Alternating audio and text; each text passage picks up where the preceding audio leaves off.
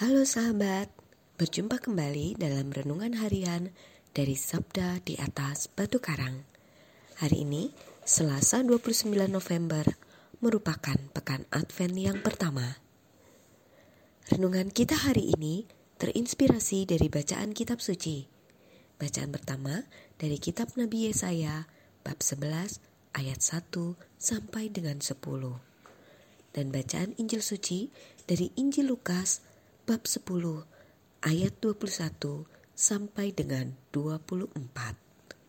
Mari kita siapkan hati kita untuk mendengarkan sabda Tuhan. Pada waktu itu, bergembiralah Yesus dalam Roh Kudus dan berkata, Aku bersyukur kepadamu, Bapa Tuhan langit dan bumi, karena semuanya itu engkau sembunyikan bagi orang bijak dan pandai. Tetapi engkau menyatakan kepada orang kecil. Ya Bapa, itulah yang berkenan di hatimu. Semua telah diserahkan kepadaku oleh Bapakku dan tiada seorang pun yang tahu siapakah anak selain Bapa dan siapakah Bapa selain anak dan orang yang oleh anak diberi anugerah mengenal Bapa.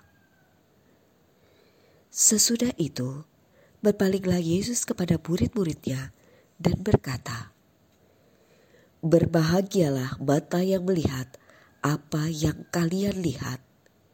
Sebab aku berkata kepadamu, banyak nabi dan raja ingin melihat apa yang kalian lihat, namun tidak melihatnya, dan ingin mendengar apa yang kalian dengar, namun tidak mendengarnya. Demikianlah sabda Tuhan. Terpujilah Kristus. Saudara-saudari yang terkasih, bacaan Injil pada hari ini memperdengarkan rasa sukacita Yesus terhadap pelaksanaan tugas dari para muridnya. Mereka diutus berdua-dua untuk semacam praktek lapangan pewartaan. Atas laporan mereka, Yesus bersukacita kepada Allah Bapa, sebab pengertian kebenaran firman Allah dan pewartaannya diterima dan diimani oleh mereka yang sederhana dan rendah hati. Sementara mereka yang menganggap dirinya bijak dan cerdik pandai justru menolak. Kita boleh saja memiliki gelar akademis yang banyak. Namun jika itu tidak sepadan dengan peruntukannya, maka kita sering terjebak dalam kesombongan diri. Pengetahuan atau pengertian akan ketuhanan sangat kita perlukan.